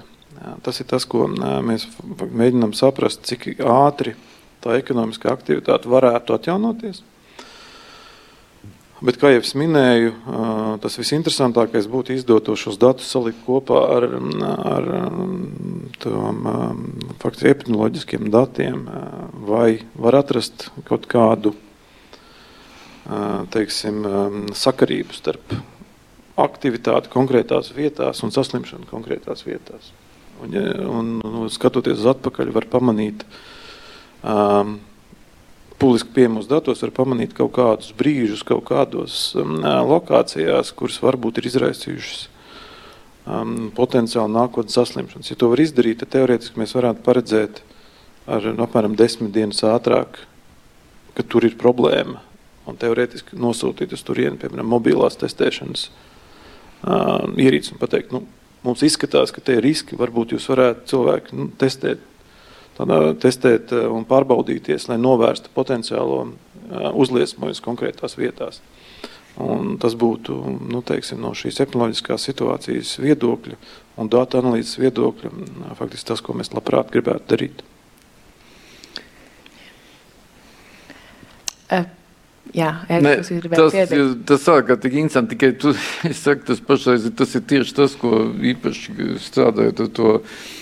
Īpaši medicīnā, kur ļoti cenšas izmantot tās, tos modelēšanu, un, un, un faktiski tie modeļi lielākoties visi izgāžās. Tāpēc, ka, nu, tas ir vispār mākslīgā intelekta liela problēma. Un tur man liekas, ka tur tieši vairāk mums jādomā par filozofiju, mākslu un, un daudzām citām lietām, jo, jo mākslīgais intelekts Viņš var strādāt tikai tad, ja jūs ievadat pareizes izaizdātas. Bet tā ir nenormāli grūta lieta dabas zinātņu un tādās uh, bioloģiskās sistēmās. Nu, tas ir nenormāli grūti, jo, pieņemsim, mēs tagad strādājam Sapratu, Latvijas universitāti, nu, kaut ko ar Microsoft un ar, ar, ar, ar Rošu un ar ģenētiku un tā tālāk. Un jūs iztēlojaties, Mums bija tajā Sanfrancisko ļoti smuka mūsu Latvijas universitātes un, un, un, un, un, un Cigna Bāliņa un vesela Linda un ekonomikas ministrija un, un tā tālāk, tā tālāk. Un tagad mēs tur sēžam un tur ir tā Bill Gates, visa tā grupa, kas viņam ir milzīga, ja, kas tur uztaisīta tajā un tā. Un tad, tas, tas jautājums saka tik vienkārši. Pasakiet, ko mēs liksim kā to bāzes datu iekšā. Mēs tagad paņemsim, es tūlīt pabeigšu, mēs paņemsim visas tās PubMed publikācijas, Nu, jūs tagad sāksiet pētīt, pieņemsim, jūs tagad mēģināsiet ārstēt Covid pēc publikācijām, kas ir atnākušas. Tad viņas ir apmēram no 15, viņas 12 būs atšķirīgiem ieteikumiem. Un tas ir tas jautājums, kādā veidā, manuprāt, parādīsies vēl viena lieta, ka mēs, mums liekas, ka mūsu vietā kāds var kaut ko izgudrot, bet diez vai tā ir. Bet, bet tas, ko šobrīd uh, saprotu ar mākslīgo intelektu, un īstenībā tas nav nekāds intelekts. Tas nu, tādā nozīmē, ka parasti tās ir klasifikācijas problēmas. Jā. Nu, es, es, es, protams, drusku vienkāršoju, bet uh, vai nenotiek medicīnā teiksim, kaut kāda starptautisku datu bāžu krāšana? Nu, uh, nu, teiksim, kā, uh, nu, psiholoģija un arī medicīnā nu, šī, šī ideja ne, par klīniskiem lēmumiem, pretstatā aktuāriem lēmumiem. Nu, kopš 50 gadiem jau tiek uh, visādos gadījumos, visādos veidos uh, uh, analizēta un sistematizēta. Un, un tas, tas, kas šobrīd sauc par mākslīgo intelektu, nu, pēc būtības jau tas ir tas pats, vai ne tikai ar, parasti strādājot ar daudz lielāku datu apjomu. Nu, tur ir tā starpība, ja senāk tur varbūt tie ievads dati bija pārsimts gadījumi, ja tagad tie ir pārsimts tūkstoši. Ja. Tā milzīgā starpība, bet, bet nenotiek kaut kas tāds, ka tagad valstis kooperējas, lai, lai veidotu kopīgi kopīgās datubāzes. Jo skaidrs, ka tie gadījumi skaiti jau nav tik milzīgi. Tur jau pat droši vien Gunārs varētu pakoriģēt. Uh, tas datu apjoms jau nav sasniedzis pat kaut kādu lielo datu apjomu. Jā, principā. uh, tur vienīgā iespēja ir uh, tikai tad, ja būs self-reporting. Mm. Uh, tikai tādā gadījumā var to izdarīt ar, ar, ar šo nu, 900% datiem ir ievērojami pa maz, lai tur veiktu nopietnu statistisku analīzi. Bet man šķiet, ka viena, viens virziens, kur, kur, uh, kuru va, es ceru, ka, ka izmantos šajā ziņā, uh, teiksim, valsts pārvaldēm, man šeit ir milzīgi datu apjomi, kuri nekādā veidā uh, īsti netiek analizēti. Viņi tiek mm. apzināti, neapzināti uzkrāti. Nu, ne tikai medicīnā, es domāju, medicīnā protams, neapšaubām, ja, bet, bet nezinu, viena lieta, kas nāk prātā, policija, drošības jautājumi. Ja? Nu, tur tiek rakstīti protokoli, vai ne pēc tam mūsdienās liela daļa no tā jau ievada apkopotā formā. Nu, man šķiet, ka tas arī ir virziens, kurš nezinu, saliec kopā ar, ar, ar Gundaru datiem. Nu, nu, labi, nu, kā viens piemērs, ja, bet ir daudz ko var būt kopā vien, ar epidemioloģiskiem vien, datiem. Vienu lietu gribēju nokomentēt. Protams, es pats esmu visu laiku, nu, cik es sev tagad esmu 30 gadus mēs šodien svinēsim, nu, šogad mēs svinam te, ko mēs sākam darīt un tā tālāk. Skaidrs, ka tā notiek. Tieši tā arī notiek. Bet, Ivar, tu pats teici, sāka viena vienkārša lieta, ka mums liekas, ka mēs nosakām vairāk, bet īstenībā izrādās, ka vide nosaka vairāk. Tas ne, nav mans, tas ir pašs. Un tas jau ir tas stāsts, kur es jau galīgi es jau nesaku, ka, mēs, ka mēs, mums nav jāiet tas ceļš, un es absolūti piekrītu Gundzam, par to vispār tur nav runa. Tikai mēs esam tur acīm redzot ārkārtīgā ceļa sākumā, jo tie paši dati vai tie paši cilvēki, es pat nerunāju tikai par to ģenētiku, kas mums arī ir atšķirīga. Piemēram, par to, ka mums ir dažādām rasēm, kā tas izrādās. Piemēram, tie angiotensīna konvertāzes enzīmi, kas faktiski kuriem uz kuru proteīniem, uz kuru mums pielīp tas vīrus, ir pilnīgi atšķirīgi. Un tur parādās tiešām jautājumi, tur parādās tie jautājumi, kas pavisam nav tā, kā mums pašreiz liekas, pavisam nav vienkārši. Iespējams, ka dažreiz pat nekorekti. Un, un, un, un, un tas ir tas, ir, tas ir veseli, ta, ta, tas būtu teiksim, no tās ģenētiskās. Un tad ir vide, kurā jūs dzīvojat. Nu, diez vai tu, tos, ko mēs rādījām, ko Ņujorkā rādīja, tos, tos milzīgos, tos, tos, tos zārkus, tos kartonus, tā diez vai bija Manhetena. Un tur ir tik daudz to lietu, un mums ir jāmāk, mums ir jāmāk un arī jāvienojas. Un tā, ne, es jau neesmu pats mākslinieks, inteliģents, es pats to visu laiku lasu, mēs tur strādājam un darām. Es tikai saprotu, ka mēs esam vēl pietiekami nu, tālu no tā, bet tas nenozīmē, ka mums nav jādara tās lietas, protams, ka mums ir jādara. Tās informācijas, piedod, jā, Ivar, ir ļoti daudz, un mums arī ir jautājumi. Um, vai nepārspīlē mazliet infektuologi ar prognozēm? Uh, šobrīd, kā mēs runājam, ka arī viss tiek aktualizēts un mēs mācāmies no jau varbūt kaut kādas pieredzes, kas mums ir pavisam nesen, bet kā jums kā ekspertiem liekas cilvēkiem pastāstīt vēlreiz, kā jūs paši domājat par šo situāciju, jo nu, viens ir tas, ka cilvēki, kas ir mācījušies šo un viņi zina, par ko runā. Viņi zina, kas ir um, pandēmija, zina, kā vajag rīkoties, un uh, arī mūsu valsts vieta tajā klausās. Un es domāju, es arī esmu pateicīga uh, mūsu valdībai par to, ka tika uzlikt šie ierobežojumi tādi, kādi viņi ir. Un, ka, ka mums tie rezultāti ir labi. Bet vai jūs varat vēl pakomentēt nedaudz tieši par šo pandēmiju? Vai ir kāda cita pandēmija, ar ko var salīdzināties šo Covid-19? Un um, vai, vai tādā informācijas plūsmā, um, jūs jau, profesor Ēgli, minējāt, ka nevajag visu dienu pavadīt Covid-19, bet kā varbūt šķirot to informāciju, kā atrast tos uzticamos kanālus. Protams, tas ir um, veselības centrs, tas ir veselības ministrija un uh, sekot ziņām, bet um, jā, vai jūs varat pakomentēt? Uh, Div, cilvēku nu, uztraukumu. Nē, nē, nu, mums ir skaidrs, mums ir Indričam Užniekam ir brīnišķīgs eh, tāds vesels referāts no aizlaikiem par to, kādas pandēmijas ir bijušas un tā, kas pirms tiem simts gadiem. Es, es pat netnēju pat tām tuvākām, kas arī mums likās, ka mums tas neskar. Bet, ap citu, es pats biju tajā, es biju pats tajā lidmašīnā, ka man pēkšņi tur, es neatceros, vai es no Meksikas lidoju vai uz, es kaut kādu, vai, nu, es man ir grūti pateikt. Un pēkšņi man prasa pasi kaut kur tur, kur nekad neprasa uz turienes. Es nevaru saprast, nu, viņi mērās temperatūras. Un tas bija to, to, to, to, to sāras un to mēs, jā, un tāda. Ne? Bet mēs jau viņus it kā neuzskatījām. Nu, tas mūs neskāra, nu, tad ko tad tur kaut kur notiek tā tālāk. Savukārt Spāņu griba tā gan skāra. Un tur bija tie trīs viļņi arī tāds, vai ne? Un, un tādas lietas. Bet, Tur ir viena cita lieta, tur ir jāsaprot. Tāpēc es vēlreiz saku, kāpēc es, es, es ārkārtīgi grieztos atkal un atkal gan pie filozofiem, gan pie, gan pie, pie, pie mm, psihologiem un vis, cilvēkiem. Jo tādā ziņā, ka mums ir jāsaprot, ir mainījusies mūsu attieksme pret dzīvību, un tā ir mainījusies fenomenāli. Tāpēc es druskuļi saku, ka tas, ko Gunārs saka, tas viss ir pareizi. Jūs analizējat vienu mēnesi vai divus mēnešus, bet vienu mēnesi vai divus mēnešus mēs visi esam ievērot diētu un skriet un daudz citas lietas. Bet to, ko mēs redzam, to mēs redzam ilgākā laika periodā. Un, un, un, un pat tiem infeklogu pārspīlē vai nepārspīlē. Nu, ziniet, man, man Es jau pats esmu tāds, kas saka, ka vajag brīvāk. Man liekas, ka mūsu valdība tiešām.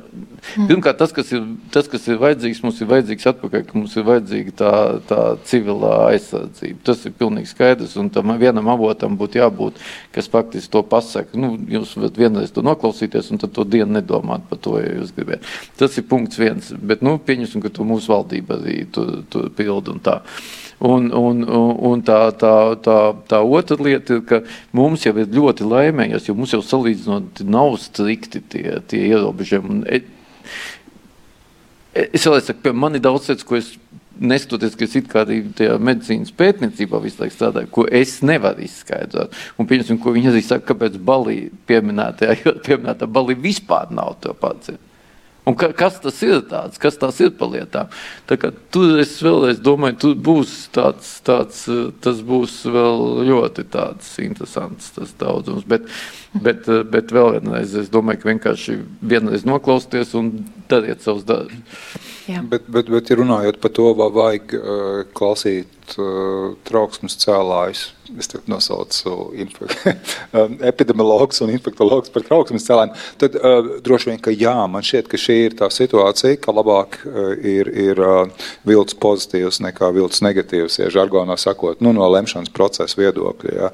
Nu, tā tad labāk ir redzēt bāžas tur, kur to nav, nekā nesaskatīt tur, kur tās pa īstam ir. Ja?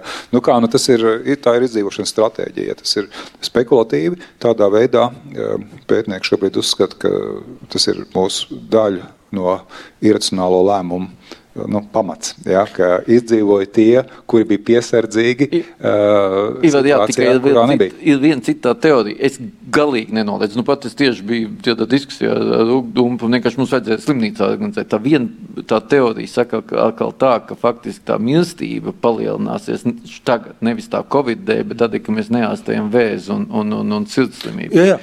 Un tur ir, tas ir tas, tur ir tā māksla, vai arī tā virzība būs tas, ko, ko saka Gunārs, ka vienkārši būs pieaugs pašnāvības skaits, jo, jo būs uh, sabrukuši biznesi, ka mums nebūs vēl kaut kādas tādas lietas, un, un ka mums nebūs vienkārši daudziem, nu, tiešām, tu, tu, ir, tur ir tas šķautnis daudz.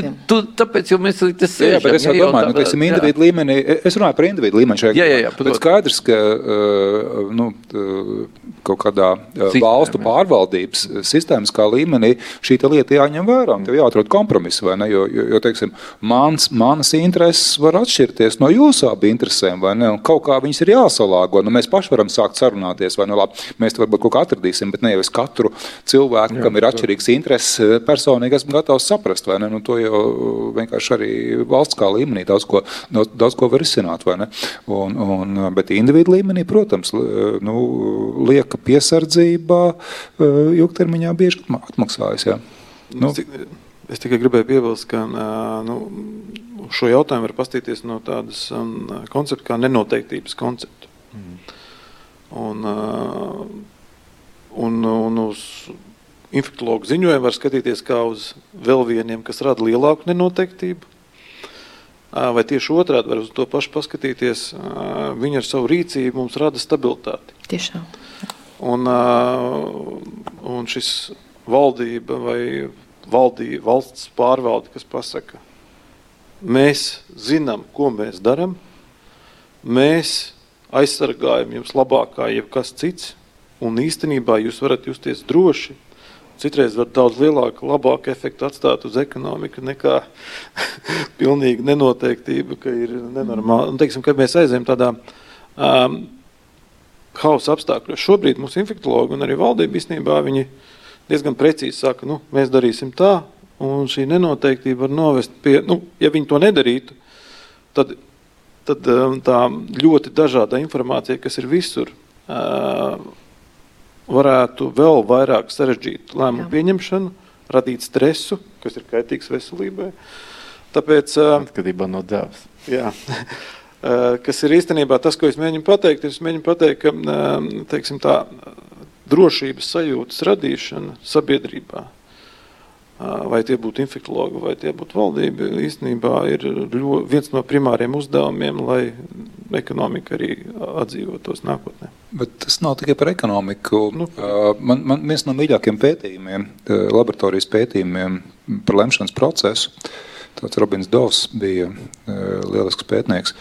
Viņam pirms gadiem 30 bija laboratorijas pētījums, Eh, kur eh, gan eksperti, gan neeksperti eh, tika lūgti pieņemt lēmumus relatīvi liels nenoteiktības situācijas apstākļos. Un, un, un, un tas, ko, ar, ar ko viņi spēlējās zinātniskā nozīmē, bija, kas ir labāks, labs modelis, ja to pielieto nekonsekventi, vai uh, relatīvi slikts modelis, ja to pielieto konsekventi. Ja? Un, un uh, pilnīgi skaidri rezultāti bija, ka daudz labāk ir pielietot struntīgāku modeli, bet konsekventi. Ja? Un, un, uh, man šķiet, ka tur ir tā pozitīvā lieta, ko jūs abi runājāt, ka uh, pat ja šobrīd nav pietiekami precīzs, pietiekami labs modelis, tad pat strādājot ar to, kas tev ir, bet pietiekami konsekventi, tu nonāksi pie labāka rezultāta. Es mēģināju teikt, nevajag raustīties. es ļoti vienkārši tas ir par ķirurgiem. Vislabāk par ķirurgiem, ja jūs pēkšņi sāks izdarīt, mēģināt izdarīt uz to vienu pacientu vienā tajā operācijā, ko tu varbūt nemaz nemāk vislabāk, bet tu mēģinās piecas dažādas lietas izdarīt, tad tu vis, visticamāk nobeigsi to cilvēku. Tas ir viens no tiem, ko man tie draugi saka ja viņam prasa, kā viņš pats prasa, kā, kā man to darīt, viņš saka, dariet tā, kā jūs to vislabāk protiet. Kā jūsu pieredze vislabākā. Tam es gan piln, tas ir simtprocentīgi precīzi. Jā. Tāpēc es arī domāju, ka mums pašreiz, to es teicu no pašas pirmās dienas, pat ja mēs domājam citādi, mums ir jāpakļaujās Tieši tas arī mums ir jāuzticas. Mums tiešām ir vērts to darīt. Mums ir jāuzticas mūsu infektuologiem, mūsu epidemiologiem un arī valdībai, jo pašreiz tur ir konsekvence. Tam, tas, ir, tas bija ļoti labs formulējums. Jā. Tieši tā, mums nav vērts. Nav vērts, nav diskutēt Nē. par to. Nē, pēc lieta. tam, jā, pēc tam mēs esam atrasts kļūdas un nākotnē domāt cits. Bet tagad, kā saka, jā. jā. Tā kā lūdzu, ievērojam visus noteiktos uh, drošības uh, norādījumus. Ne, bet uh, nav joklietis arī kā biologs. Man ir tik interesanti, ka šis vīrus nu, nav tie simptomi. Tu nevari zināt, ka tu esi nēsātājs. Un, un tas ir grūti cīnīties ar kaut ko neredzamu. Nu, gan uh, ekonomiski, gan ārstnieciski. Tāpēc. Um, Jā, dažreiz, kad gadās varbūt uh, satikt uh, paziņas uz ielas, saka, divi metri, un viņiem varbūt, oh, vai tu, tu tur, ko tur tik ļoti iespringsti, vai, bet, um, bet tur tā lieta, ka tas ir nopietni, es arī tāpēc ieteiktu gan mums visiem, kas ikdienā ar to strādā, gan vienam otram atgādināt, um, ka tiešām tur apakšā ir uh, pierādījumi, un, un tas ir jāievēro. Un ja mēs to neievērosim, tad mēs varēsim redzēt sekas. Un, uh, un, um, un klausīsim tiešām mūsu valdību un, un sekosim līdzi. Jo, jā, ja varbūt nav, liekas, ka Latvijā tie rezultāti nav tik, uh, tik slikti, bet, uh, bet ja mēs atslāpsim, var, var arī mainīties citādi, vai ne? Nu, būtu jāmācās no citu valstu pieredzes. Jo, nu. tā, mēs varam redzēt, ka informācijas telpa tagad ir tik plaša un ir tik interesanti arī uh, ir pieeja kā, kā pētniekam, ka tu vari tos datus redzēt un vari izdarīt secinājumus. Un uh, man viena kolēģe, ne, ne, Andrejs Erks, Kratgāla. Es ārkārtīgi uzmanīgs ar pašreiz pieejamiem datiem. Ārkārtīgi uzmanīgs. Jo, jo tad, kad jūs. Vai, tas, ir, tas ir tas, ko mēs runājam. Mēs kā, es, es tiešām, nu, pieņemsim, Es zinu valstis, kur kompānijas vai vēl kāds labprāt neizdara pētījumus, jo viņu attieksme pret teiksim, to, ko jūs ierakstiet, ir pavisam citādi nekā varbūt citās valstīs. Jā. Piemēram, ir par to, vai mēs vienu un to pašu saucam vienā vārdā un vienā valodā. Un tāpēc es vēlreiz saku, tas būs, man liekas, ļoti Tur ir, tu, ne, nu mums ir jā, mums jau nav citu, mums nav citu iespēju, mums ir jāmeklē, bet, uh, un mums ir jāskatās, bet pašreiz ir nenormāli grūti kaut ko. Nē, nē, es domāju no tā, kā dzīvot tālāk un kā organizēt to darbu. Piemēram, kad, nu, jā, kad tas darbs maiņās, kad vienu nedēļu strādā 25%. Un tad, lai nosektu varbūt to, un, un protams, attēl, nu, nu, tādiem piemēriem, ka. Jā, nē, nē, no, nē nu, protams, tu vari atrast ļoti daudz. Nē, nē, es jau ne, es nesaku tā, es tikai tā, mēs par tiem lieliem datiem runājam un daudzām citām lietām. Es vienkārši drusku uzvilcies, tāpēc, ka es nu pat nāku no tādas diezgan zināt, nu, vai nu, vairāk vai mazāk profesors medicīnas, kas arī katrs no savas puses apskatīja tās lietas. Nav tik vienkārši, jā, tur, tur bet, bet es, protams, piekrītu noteikti. Bet, nu, man, man liekas, man ļoti patīk tas par to konsekvenci. Ja mūsu pašreiz to, ko mēs darām, tā iet labi, tad acīm redzot, tā vajag turpināt darīt. Es tikai vienu lietu domāju, ka nu, jā, tas ir tā. Klausamies? Jā. Nē, nē, nē, es domāju, ka mēs vēl daudz ko uzzināsim. Ne, no ekonomikas viedokļa, nu, teiksim, atkal, ja mēs paskatāmies, ko dara citas valsts, tad mēs nevaram neņemt vērā, mm. ko dara citas valstis. Jā, jo tā ir viena lieta. Ja piemēram citas valstis ļoti aktīvi atbalstīs savus uzņēmumus vai savus darbiniekus, tad mūsu relatīvā konkurētspēja ievērojami var samazināties. Tāpēc ir faktiski viens no, no ekonomikas viedokļa ļoti svarīgi ir sekot līdzi pārējo valstu rīcībai un saskaņot mūsu rīcību, lai viņi būtu adekvāti. Nevis vienkārši šeit lokāli adekvāti, bet viņai jābūt arī adekvātai pret, at, attiecībā pret visu pārējo valstu rīcībām. Jo es neesmu speciālists medicīnā, es nezinu, kā vīruss reaģēs, vai viņš savādāk reaģēs šeit vai, vai kaut kur citur. Bet uh, no ekonomikas viedokļa, mēs neņemsim vērā šo relatīvo, piemēram, konkurētspēju vai produktivitātes izmaiņas pēc krīzes šobrīd un pēc tam, tad uh, tā mūsu situācija var ievērojami būt izējot, piemēram, sliktāka. Ļoti vienkārši kredītspēja vai teiksim, finansēšanas, darbības atsākšanas finansēšanas spējas tajā brīdī, kad nebūs vairāk. Un ja vieniem viņas būs un vieniem viņas nebūs, tad mēs nokavēsim pusgadu, mūsu relatīvā konkurence būs ievērojami mazāka. Nu, šādas nianses mēs nevaram neņemt vērā to, ko dara citas valsts. Tas, ko es gribēju teikt. Mm -hmm. Paldies, Paldies profesor Pēržiņ. Jautājums profesoram Austeram, vai ir arī jau aktuāli pētījumi par laimes, jeb labklājības un labizjūtas pētījumiem tieši pandēmijas laikā Latvijā. Labs jautājums. Mēs acīm redzot, tuvāko nedēļu laikā vienu datu kopu vāksim, kur būs arī netiešas atbildes uz šo jautājumu, bet uh, no tā, kas man ir zināms, tur nav pat netieši mērīts. Ja, jo, nu, principā, mēs varam laimi mērīt, vai tas, kas sakat, labklājība, labbūtība nav kā, kā kurš sauc dažādos veidos. Uh, var vienkārši prasīt, cik laimīgs jūs esat, var prasīt par emocijām, var prasīt par bāžu neesamību un tam līdzīgi. Uh, man nenāk prātā, bet tas būtu ļoti interesanti, un mēs ar kolēģiem par to tieši ar esam runājuši pēdējās nedēļas laikā. Un, uh, visticamāk, pāris nedēļu laikā būs tādi dati, bet mums nebūs dinamiski. Ja? Nu, mēs, protams, mēs varam tikai kaut kādu nu, momentu uzņēmumu, nu, šķērsgriezumu pētījumu dabūt. Uh, dinamiski mēs acīm redzot to nedabūsim, bet starptautiski principā būs uh, pilnīgi noteikti. Nu, retrospektīvi mēs zināsim, nu, zināt, kā pēc notikušā jau viss gudri vai ne. Tur var, kā to sauc, atskatu kļūda, vai es jau sen to zināju, es jau sen to jūtu, vai ne? Tā viss stāstīs.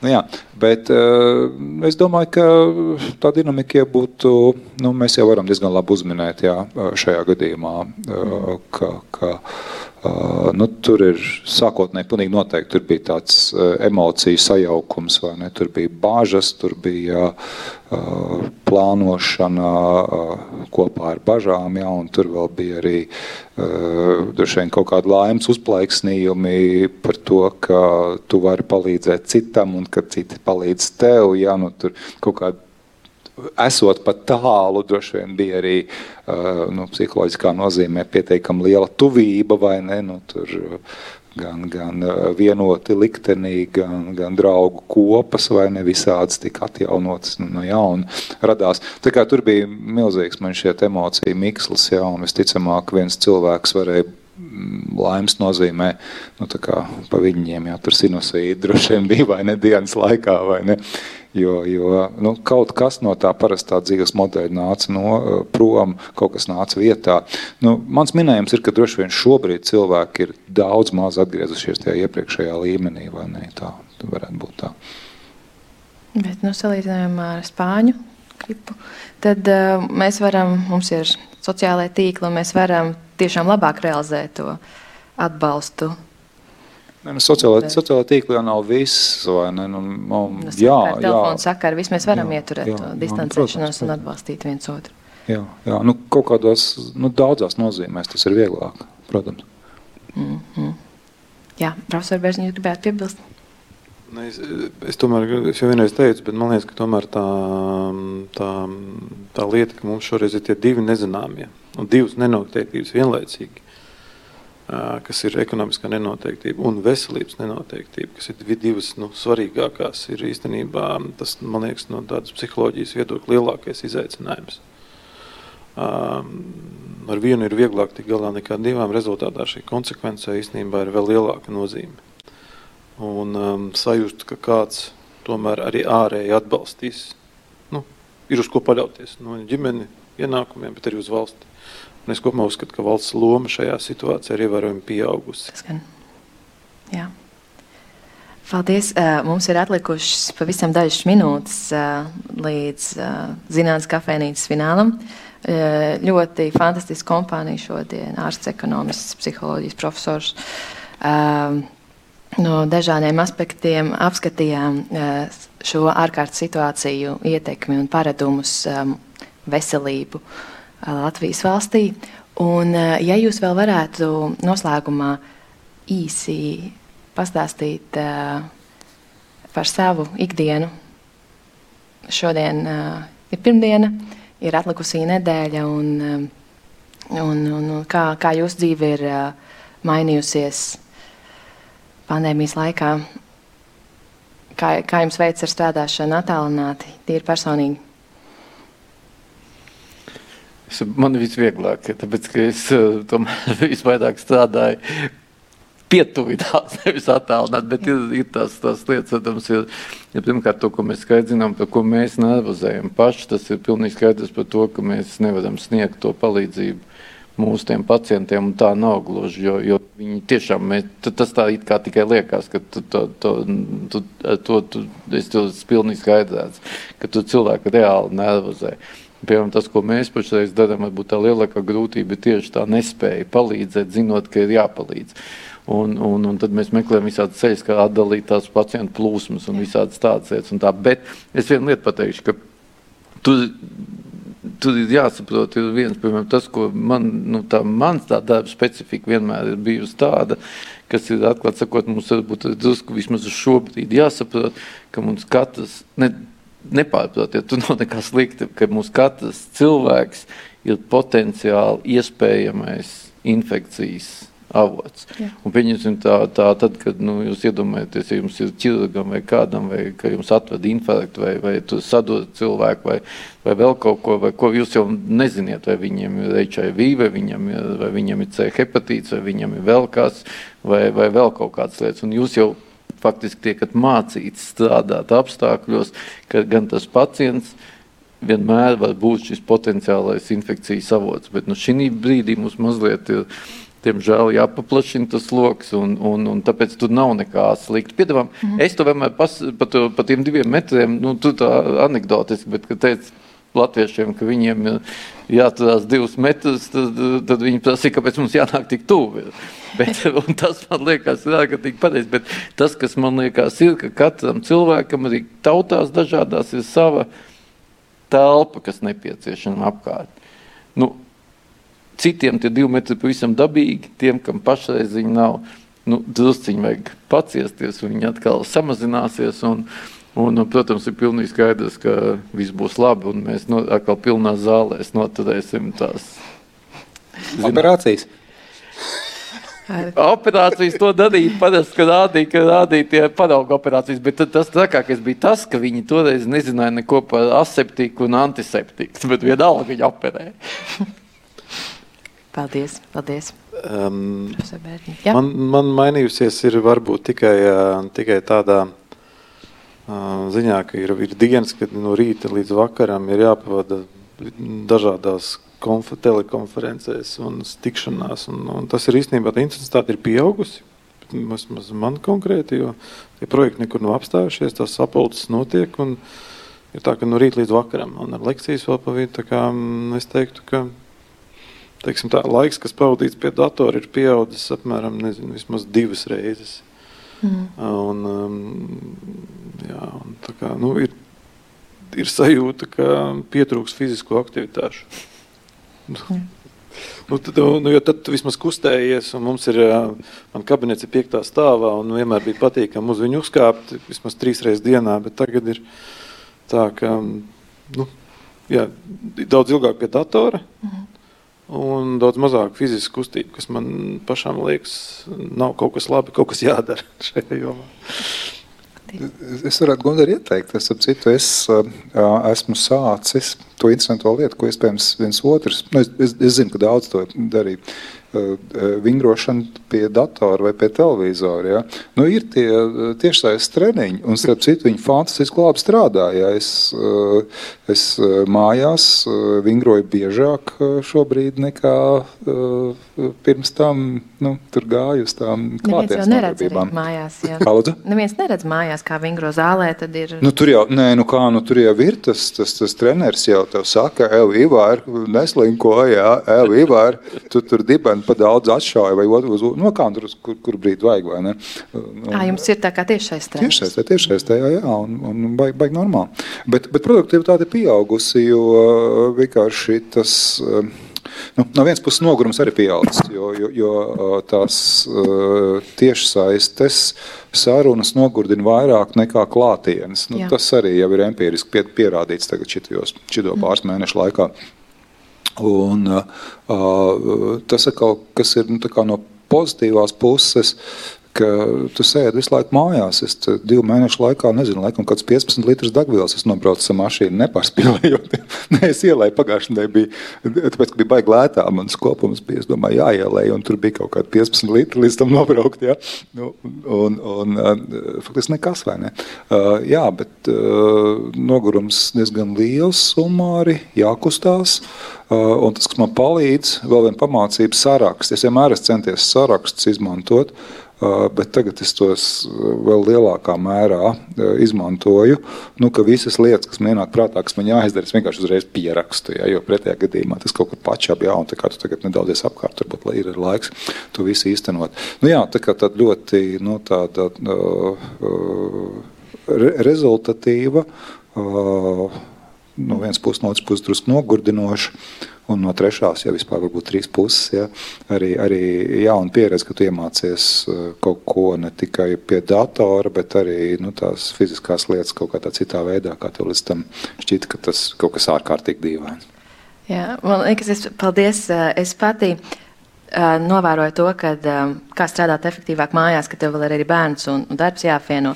Piemēram, es cepu pankūkus, es uzlieku to chronometru cepeškrāsnī uz vienu minūti, un es zinu, ka man tas modinātais zvanīs, ka es varu koncentrēties darbam pilnībā to vienu minūti. Nu, tur tam ēpastam atbildēt. Tad es atkal viņu apgriežu otrādi, atkal varu koncentrēties. Lai nav tā, ka visu laiku tās domas mētājās, un tagad tur to, to un to un to, bet tev ir tiešām, vai arī tu uzliec pēc tāda Pomodoro principa, tur 26 minūtes, un tagad arī tikai to darbiņu, un, un bērniņam pasaka, ka tagad uh, man ir mans darbiņš, tev ir savs. Ļoti daudz ko var iemācīties šajā laikā. Vērtīgi. Jā. Un paldies jums liels, ka jūs atnācāt, ka padalījāties. Un, un eh, tiešām patiesi gods eh, šādā kompānijā. Paldies par jūsu jautājumiem. Šo varēs arī noskatīties ierakstu. Jā, paldies eksperti, paldies Uldim Indijai un Tomam no Latvijas Universitātes, kas arī šeit ar mums bija kopā. Un, Tad jau nākamā zinātnīs kafejnīca varbūt attālināti, varbūt jau kuplākā sastāvā. Paldies, profesor Ēgli, Bērziņa, Auster. Paldies. Paldies. Paldies. Paldies. Šoreiz izpaliek aplausi, tas ir kaut kā nepierasts. Bet paldies jums!